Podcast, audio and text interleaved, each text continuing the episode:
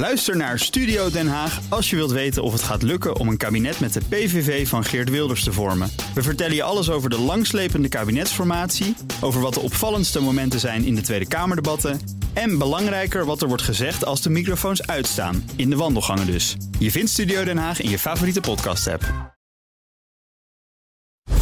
Cryptocast wordt mede mogelijk gemaakt door BitTonic. Al tien jaar lang de Bitcoin-autoriteit van Nederland. BNR Nieuwsradio. Cryptocast. Herbert Blankenstein. Welkom bij de Cryptocast met vandaag WorldCoin. Het ambitieuze cryptoproject van OpenAI-oprichter Sam Altman is officieel afgetrapt. En kun je Bitcoin gebruiken als onderpand? Een Amerikaanse presidentskandidaat denkt van wel. Dit is Cryptocast 282 met nu een half uur crypto-nieuws op de radio. Met mijn co-host Daniel Mol, redacteur Cryptocast en BNR Digitaal. Dag Herbert, hallo. En uh, wij zijn de enige twee in de studio Ja. door omstandigheden. Maar we gaan ons er doorheen slaan. We geven geen beleggingsadvies. Vorm je eigen mening, maak je eigen keuzes. Geef ons niet de schuld. Crypto kan lucratief zijn, maar is ook riskant. We gaan het hebben over WorldCoin. Het ambitieuze crypto-project van OpenAI-oprichter Sam Altman is officieel beschikbaar sinds afgelopen maandag. De WLD-token, zo heet die, is beschikbaar op exchanges. En die token kun je dan weer opslaan in de nieuwe app. Nou, Daniel, we hebben het over WorldCoin wel eerder gehad. Leg nog eens even uit wat dat is.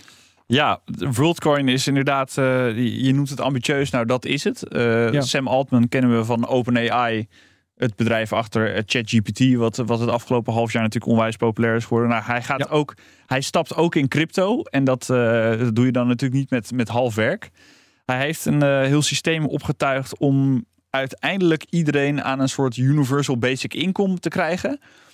En dat gaat hij dan doen met een token, de WLD-token, eh, die je kan verkrijgen door het scannen van je iris. Daar komt het eigenlijk op neer. Dus eh, eigenlijk tuigt hij een soort tweede monetair systeem op. Een crypto-monetair systeem. En dat heeft hij dan op, op een manier gedaan.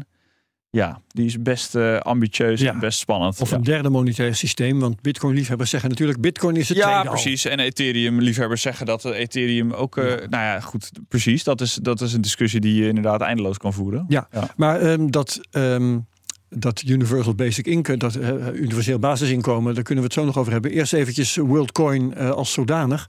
Ehm, je moet dus je iris laten scannen en dan krijg je geld. Ja, dit is misschien wel de, de, de slechtste marketing eh, die je ongeveer kan bedenken. Want Nou het is natuurlijk... De, Als het werkt, ja, goed. dan is ja. het geslaagde marketing. Eh, ik heb inderdaad net eh, de app gedownload. Daar kunnen we het zo nog wel even over hebben. Eh, maar als ik nu in theorie mijn iris zou, kunnen la- zou laten scannen... dan heb ik iets van 50 dollar in mijn zak al. in WorldCoin. Ja, ehm, maar goed, er is natuurlijk een reden dat dit gewoon eh, best een impopulair idee is. En dan vooral in de, in de, in de crypto-bitcoin-achtige wereld, waar iedereen toch al heel erg bezig is met, met privacy, met vrijheid, dat soort, dat soort idealen. Ja, een iris-scan. De, de, de- het verhaal is, iedereen zijn- iris is uniek. Dus het, de, het onderdeel van je oog eh, dat uniek is. Het is een vorm van eh, een identi- identiteitsbewijs. Ja, precies. En het idee is dus, nou ja, als iedereen dat, dat, dat kan je dus maar één keer laten doen. En dan wordt je iris dus opgeslagen in die database van dat WorldCoin. En dan kan je dus op een eerlijke manier geld verdelen. Eh, want iedereen die dat doet, krijgt dus een bepaald bedrag. Of een maandelijks een bepaald bedrag. Ik weet nog niet helemaal hoe dat, er, dat eruit gaat zien. Ehm, nou, dat is dus het idee. Alleen ja, de, de, de, conclusie is, jouw iris, jouw soort van unieke eh, onderdeel van jouw lichaam, wordt opgeslagen in een database van een, van een Silicon Valley-achtige eh, club. Ja, ehm, zeggen ze meteen zelf ter verdediging? Nee, wij slaan die iris zelf niet op. Hè? Niet die afbeelding, maar een gehashte versie daarvan. Dat Ja. wil zeggen, het gaat door een cryptografische molen. En het wordt dus een code die, eh, wel, eh, waardoor wel jouw iris te controleren valt, maar waardoor ze die afbeelding van die iris zelf niet hebben. Ja, nou ja, dat is inderdaad natuurlijk wel zo. Alleen uiteindelijk moet je wel weten eh, of een iris al een keer gescand is. Dus het is, je kan altijd op een bepaalde manier iemand op die manier ident- identificeren. Dat is ook Ja. iets wat eh, Vitalik Buterin zegt. Dat is een hele knappe kop die Ethereum heeft opgezet. Ehm, heeft overigens nog een aantal eh, kritieken, zoals dat het heel onhandig is dat je überhaupt naar zo'n orb toe moet. Weet je, dat is ook gewoon eh, een rare situatie die je eigenlijk niet gewend bent in de cryptowereld. Uh, en dat het verhaal nu is dat het eigenlijk een vrij centrale database is. Wat Ja, ook weer allerlei risico's met zich Waar in meebrengt. ieder geval de namen in staan van de mensen die zo'n eh, scan hebben laten maken. Ja, Misschien precies. niet ja, die nou scan ja, zelf, ja, maar wel. Dus eh, de- wij hebben ons allebei nog niet laten verifiëren. En ik twijfel Nee. ook sterk om dat eh, zelf te gaan doen. Ah, voor 50 dollar, Daniel. Dat is inderdaad, ja, het is best een goede deal. Ik heb, me, ik heb mezelf wel voor minder verkocht. Dus nee. T-shirt, ja. Ja, uiteraard. uiteraard. Maar, maar wat, wat is nou eigenlijk het werkelijke doel van die Sam Altman? Wil hij een wereldwijd identificatiesysteem opzetten? Of wil hij komen tot een universeel basisinkomen? Ja, goed, er zijn allerlei ehm, ook complottheorieën die je hier misschien op los kan laten. Want je zou ook Ja. kunnen zeggen, joh, het is best handig voor een AI om dit allemaal te weten. En hij runt het bedrijf OpenAI. Nou ja, zover zou ik niet willen gaan, maar dat is wel wat ik soms lees. Ehm, het plan is inderdaad om een, om een soort universeel eh, ja, nieuw soort geld wat voor iedereen beschikbaar is op te zetten. En dat, er dan, eh, dat we dan uiteindelijk in een utopie terechtkomen waar iedereen een soort basis hoeveelheid geld heeft, wat voor iedereen min of meer hetzelfde waard is. Maar eerlijk gezegd vertrouw ik dat deel van het verhaal het allerminst. Want dat zou betekenen dat uit het niets eh, die worldcoins zoveel waard zouden moeten worden dat eh, de hele of de halve wereldbevolking daar opeens van zou kunnen leven. Ja. Dat, dat slaat toch nergens op. Als er één verhaal is dat te mooi is om waar te zijn, dan is dit het wel. Precies. En eh, nou, dit, dit, zeg maar, dit hele WorldCoin project, dat, dat, zeg maar, het, Silicon Valley sausje druipt er vanaf. En, en het VC sausje, dus de, de, de, de durfinvesteerders, die zitten hier ook gewoon allemaal netjes in.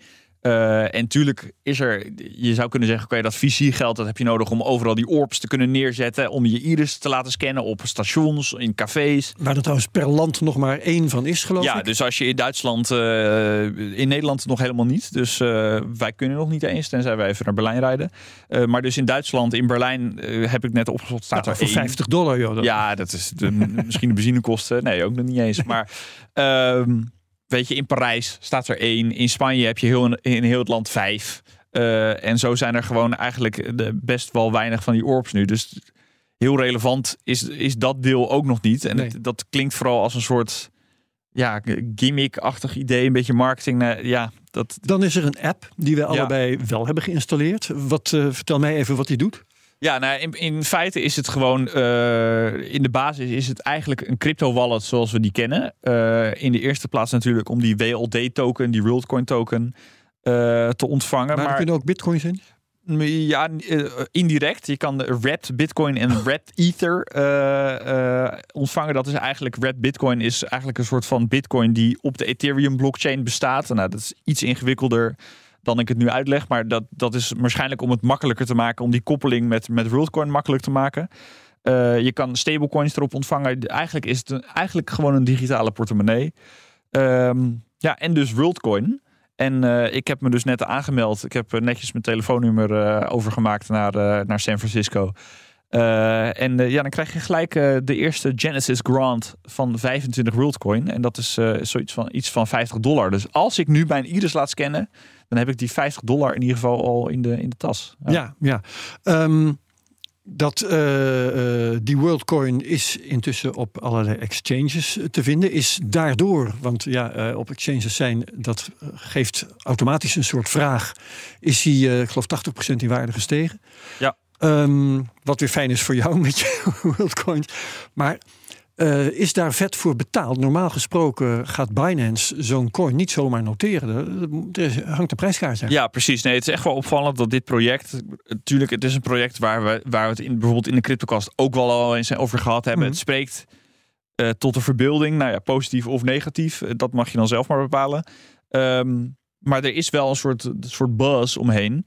En eh, daarom, ja, ik vraag me dus ook af of Binance de- dat enorme bedrag. Want normaal, als wij nu een munt beginnen en we willen op Binance eh, verhandelbaar zijn, dat kost echt miljoenen. Ja. Ehm, En dat is alleen Binance nog maar.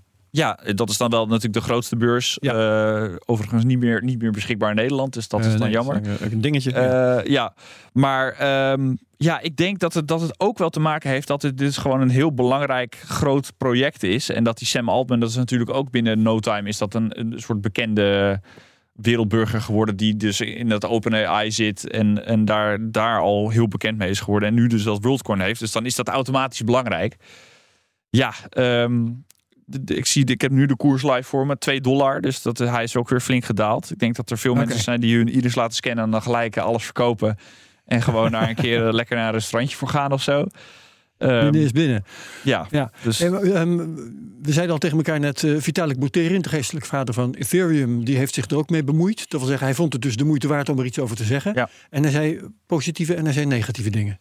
Ja, goed. Hij, hij, hij ziet best wel brood in het. de- de- hij ziet eh, het idee van dat proof of personhood. Dus dat het bewijzen dat, dat jij een uniek persoon bent. En dat je dus een unieke identiteit hebt. Da- daar ziet hij Ja, wel wat Een in. wereld waarin dat wel kan is beter dan een wereld Ja. waarin dat niet kan. Dat is eigenlijk En wat dat hij gaat, daar gaat natuurlijk hoeft om. niet per se WorldCoin te zijn. Precies. De, de, de- als je een veilige manier kan vinden om dit goed te, te, te doen. En dat is natuurlijk de grote uitdaging. Want er zitten privacyrisico's aan van hier tot Tokio. eh, letterlijk. Ehm, ja, de- daar ziet hij brood in. Maar de, de- of dit de goede poging is, is nog maar de vraag. En Ja. ja, ja hij ziet dus ook allerlei risico's. Die, die database is eh, naar verluid gewoon centraal. Ja, eh, Ja. je kan allerlei dingen het, is, het, bedenken. is, het is een bedrijf hè, waar het... eh, Precies, ja je, wordt kan, ja. geparkeerd. je kan allerlei dingen bedenken. En dan kan je, de, de WorldCoin kan nog de beste mensen en de beste verhalen hebben om dit op te halen. Maar de, het hele punt juist van cryptocurrency is dat we dat, dat hele vertrouwen eigenlijk niet wilden doen. En dat je bijvoorbeeld dus bij Bitcoin ook gewoon zonder toestemming van WorldCoin, zonder een account te maken, zonder naar een orb te hoeven, kan jij gewoon geld betalen aan mensen.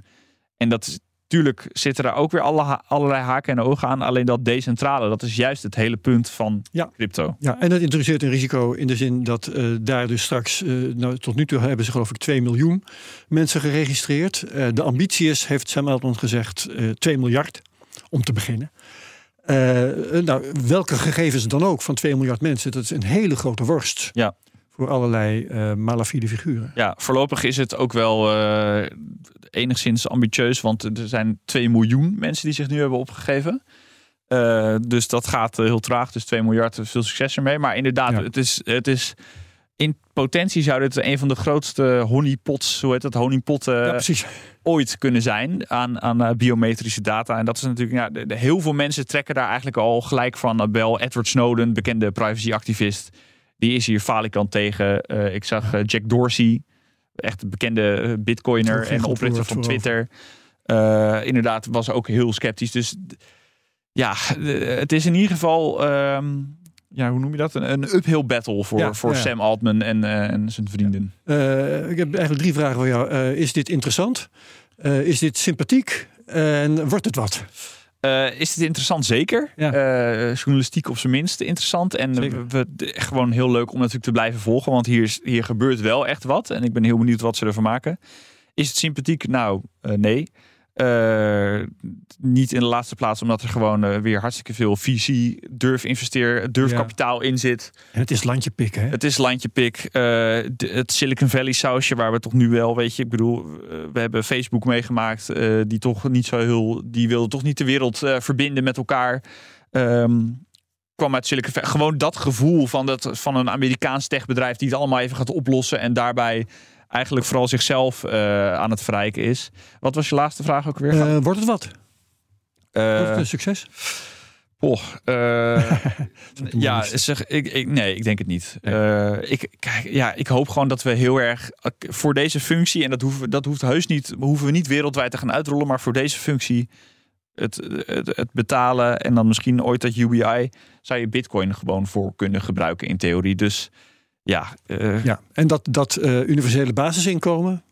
ehm, ja dat, is een, dat is een, uiteindelijk is dat een politieke discussie volgens mij. Dus, nee, eh, zeker. Maar, maar als, als je een budget hebt en, en iemand geeft jou geld en je gaat dat verdelen, kun je een universeel basisinkomen voorstellen. Dat komt dan uit belasting of zo. ja. Maar om het uit thin air te laten komen via een of ander crypto-project, dat lijkt me zeer Ja, uiteindelijk zijn het dan, ik denk in de eerste plaats, zijn het dan de durfkapitalisten die, die nu die 50 dollar voor ons eh, aan het betalen is, denk ik, in, in de eerste plaats. En uiteindelijk wordt dat, heeft dat denk ik te maken met vraag en aanbod. En ja, dat geld moet inderdaad ergens vandaan komen, anders is die token ook niks waard. Dus dat is voorlopig nog een utopie. Ik Ja. ben heel benieuwd hoe, ze dat, eh, hoe dat vorm gaat krijgen. Helemaal als je straks met 2 miljard WorldCoin gebruikers zit. Nou, Wij gaan dat kritisch volgen. Eh, dat doen we ook met de prijzen. We gaan het even ook over de, de prijzen hebben. Bert Slachter is op vakantie. We doen met z'n tweeën. eh, de cryptomarkt is eh, ja, eh, ontzettend saai en rustig op dit moment. Er is niks te beleven. Ja, uh, we, we hebben de, de laatste opleving die we hebben gehad was met de BlackRock ETF. Uh, toen schoot Bitcoin even richting de 31.000 dollar. Net zo hard weer omlaag. Precies, inmiddels zijn we op, op ongeveer 29.000 dollar geparkeerd. Dat kunnen we eigenlijk ook zeggen van Ethereum, ook zeggen van de, de, wat kleinere munten. We hebben natuurlijk die onwijze opleving van, van XRP, van Ripple gehad, nadat ze hun rechtszaak soort van deels wonnen, zeg ik tussen aanhalingstekens. Ja. Um, ja, het, eigenlijk gebeurt er niet zoveel. En als je uh, zeg maar vorige maand in slaap bent gevallen en je wordt vandaag wakker, dan denk je, mm, nou heb ik wat gemist. Nee, maar toch was gisteren opeens, en dat was dinsdag, uh, een duikeling van 1000 dollar. Ja. Wat dus een procentje of drie is. Nou, dat, uh, ja, je kunt er luchtig over doen. En dat zou Bert ook zeker doen, denk ik. Ja. Maar het is wel zichtbaar op de grafieken. Ja, nee, er, tuurlijk, er gebeurt wel wat. En dat heeft misschien zijn oorzaken. Misschien heeft dat te maken met, met shorts en met longs. Met, Ja. met mensen die echt aan het handelen zijn. Maar Bert zou in al zijn wijsheid inderdaad zeggen... dagkoersen, Herbert, dagkoersen. We zoomen een beetje uit. Kijk eens naar de weekgrafiek. Maar Kijk even kijken of het, of het daar blijft. Precies. En de, de- ja, eh, de conclusie is, en dat las ik dus in de Bitcoin Alpha van Bert. eh, het is, eh, de, de volatiliteit is nog nooit zo laag geweest. Of zeg maar sinds 2016 is het nog nooit zo saai geweest. Zo lang op de cryptomarkt als Ja. nu. Nou, dat is ook een teken van vol- volwassenheid misschien. Eh, die eh, aan het opkomen is. We gaan het eh, hebben over ons volgende nieuwtje. En dat is ja, de plan, het plan van Robert F. Kennedy. Ehm, hij wil bitcoin gaan gebruiken als dekking voor andere vormen van waarde. In casu de dollar. Robert F. Kennedy is een van de presidentskandidaten namens de Democraten. Hij wil de dollar gaan dekken met goud en zilver en bitcoin. Dat is heel interessant, omdat we intussen ook wel ervaring hebben met bitcoin als dekking voor eh, stablecoins. Ja. Bitcoin als dekking voor leningen. Laten we een paar voorbeelden bij de kop nemen. Terra Luna, Ja, Terra Luna is eh, groot succes natuurlijk. ja, echt een eh, doorslaggevend succes. In de zomer van 2021 eh, spectaculair geïmplodeerd. Hmm. Omdat het systeem niet bleek te werken. Nou ja, even kort, eh, kort uitleggen. Terra was de stablecoin in het Terra Luna ecosysteem. En die was gekoppeld aan de dollar. Dus die was altijd 1 dollar waard. En op algoritmische basis, samen met dus die Luna coin, de andere helft, werd die waarde gegarandeerd van die 1 dollar. Nou ja, dat werkte prachtig omdat toen de markt omhoog ging. Want dan wordt alles meer waard. En dan hoef je ook dus niet zo'n zorg te maken over eh, dat die 1 dollar verloren gaat. Want 1 dollar 1 of 1 dollar 2 is geen ramp. Ja. Ehm, totdat mensen natuurlijk meer gaan verkopen. En dan wordt het eh, spannend. En toen bleek dat systeem niet helemaal te werken. En toen kwamen we onder 1 dollar. Ja. Gelukkig had... eh, De dekking was in bitcoin en de bitcoin Ja. werd minder waard. Dus ja, Precies, ja. En, gelukkig had eh Do Kwon, de oprichter van dat Terra Luna, had eh, tienduizenden bitcoins gekocht als een soort verzekering, als onderpand voor die hele stablecoin. dus. Eh, maar ja, die moesten uiteindelijk ook geliquideerd worden. En dat was niet genoeg. En de paniek werd alleen maar groter. Want er, want er werden dus ook duizenden bitcoins per dag verkocht. En dat eh, mislukte dus. Ja, Ja. dus dat was echt een, het, misschien wel het slechtste voorbeeld van bitcoin-dekking eh, die we tot nu toe hebben gezien. Ander voorbeeld, dat is van de afgelopen week. Coinbase beëindigt zijn Bitcoin-leenprogramma. Particulieren konden dollars lenen met Bitcoin als onderpand. Daar stopt Coinbase mee. Hoe werkten die leningen? Ja, eigenlijk was het heel simpel. Je houdt een bepaalde hoeveelheid munten, in dit geval bitcoin, aan eh, bij Coinbase. En dan zegt Coinbase, nou je kan eh, zeg maar, eh, stel je voor ik heb eh 30.000 euro aan bitcoin. Nou dan kan je 100.000 euro lenen. En, dat Meer lenen dan je onderpand? eh, Oeps. En dat is natuurlijk... Eh, al eh, eh, ja, acc- accident waiting to happen. Ja, precies. Dus dat, en dat is natuurlijk iets wat je wel vaker ziet. Want je kan ook traden met leverage. Dus traden met, met een Ja. hefboom. En dan doe je dat in, in essentie is dat hetzelfde. Ehm, maar Coinbase verdient er natuurlijk aan. Want je betaalt gewoon rente omdat je aan het leden bent. En dat was zo rond de 8, 9 procent. Dat is fors. Ah, ja. Dus daar zat een, eh, een bepaald verdienmodel op. Ehm, ja. Maar Ja. Coinbase stopt daarmee. Wat is de reden? Ja, zelf zeggen ze, eh, en dat is natuurlijk altijd weer mooi. Zelf zeggen ze van joh, dit was eh, niet een van onze kerndiensten. Eh, we vinden dit niet zo interessant. Het werd niet zo heel veel gebruikt en we willen ons focussen op onze belangrijkste producten. Ehm, ik denk dat de realiteit iets anders ligt, want Coinbase ligt in de clinch met de SEC, de Amerikaanse toezichthouder. En die zit juist heel fel op dat Coinbase allerlei activiteiten heeft ontplooid. Bijvoorbeeld het aanbieden van die illegale beleggingen. Ehm, maar ook dus dit soort leenconstructies die eigenlijk helemaal niet zomaar mogen. Uh, en er zijn ook er zijn daar meer bedrijven in, in de in, zeg maar meer bedrijven als Coinbase zijn daarvoor op aangesproken. Ja, ja dus ze proberen hun hachje te redden. Ja, Coinbase is gewoon. Uh, het zou gewoon niet handig zijn om dit door te zetten. Ja. En helemaal als dit een klein onderdeel is van hun uh, ja. diensten. En hoe ziet Kennedy die dekking van de dollar met andere assets voor zich? Want het is eigenlijk een verouderd idee. Daar zijn we in 1971 van afgestapt. Ja, precies. Ja, onder, onder Nixon. Daar komen we zo nog wel even op. Maar ja, op zo'n op een, op zo'n politieke evenement had hij dus hele grote woorden over over, over Bitcoin. Het plan is om 1% van de Amerikaanse staatsobligaties, en dat, is, dat wordt wel gezien als de meest betrouwbare soort staatsobligatie die er is, te dekken met hard geld. Nou, dat kan dan goud zijn, dat kan zilver zijn, dat kan platina zijn en dat kan dus ook Bitcoin zijn. Ehm, en als dat dan goed gaat, dan kan dat percentage van 1% ook nog wel omhoog. Nou, en hij zegt dan dat gaat de dollar sterker maken als munt. En dat gaat een nieuwe eeuw van Amerikaanse financiële stabiliteit, vrede en welvaart inluiden. dus ik zou zeggen, stem die man uh, het Witte Huis in. Want het, nee, dat is een grapje. Want ja. uh, het is een complete idioot. Maar prima. Ja, oké. Dus dat, dit is uh, geen, geen um, redelijk plan, uh, geen haalbaar plan. Nee, ik zou zeggen van niet. En hij uh, pleit bijvoorbeeld Bitcoin ook nog eens vrij van, van winstbelasting op beleggingen. Dat krijgt Bitcoin een soort gekke voorkeursbehandeling die ik dan ook niet helemaal begrijp. Nee, als je Bitcoin voor vol wilt aanzien, wil je ook juist gelijk ja. behandeld worden met andere assets. Precies, ja. Ik heb heel erg het gevoel dat, dat de, de andere democratische kandidaat, die natuurlijk een vrij grote kans heeft om te winnen, in ieder geval van die Kennedy, uh, Joe Biden, die is uh, streng over crypto. Die, die, de ja. Democratische Partij als geheel is best streng over crypto. En dat Kennedy zich als alternatieve democraat dan afzet tegen, tegen Biden. En op deze manier wat stemmen van de Bitcoin-minded democraten probeert te winnen. Ja, ja. oké. Okay, nou, um, interessant om te blijven volgen. Wij gaan vooruitkijken naar onze podcast. Want we gaan het zo direct hebben over het bedrijf Guts Tickets. Kun ja. jij uh, bij afwezigheid van uh, degene die we straks spreken even uitleggen wat het is? Ja, nou, zelf zegt hij dan, we verkopen eerlijke kaartjes. maar het komt er eigenlijk op neer dat zij kaarten hangen aan de blockchain. Normaal is dat een, een gecentraliseerder systeem, zoals, zoals we dat kennen van bijvoorbeeld Ticketmaster, wat, wat by far de grootste ticketer is in, in de wereld.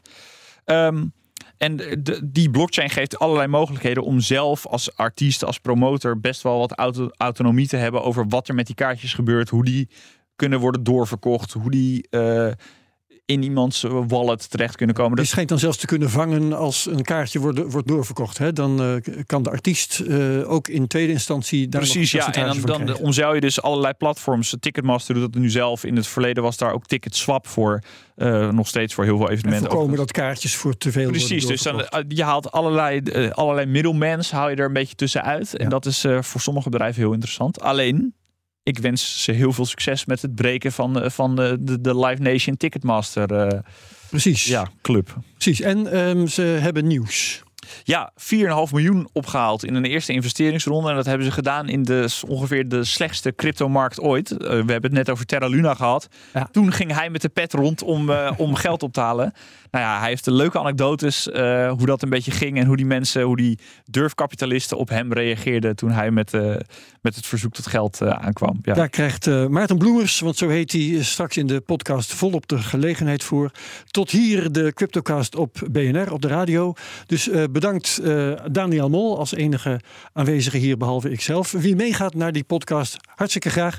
Zo niet, jammer, maar ook prima. En dan heel graag tot de volgende week bij de Cryptocast op BNR. Bedankt en dag. Cryptocast wordt mede mogelijk gemaakt door BitTonic. Al tien jaar lang de Bitcoin-autoriteit van Nederland. Ook Liesbeth Staats vind je in de BNR-app. Ja, heel handig. Luister live naar Kees en mij tijdens de Daily Move. Dan blijf je ook gelijk op de hoogte van breaking news en het laatste zakelijke nieuws. En daar vind je ook alle BNR-podcasts, waaronder de Perestrooikast. Download nu de gratis BNR-app en blijf scherp.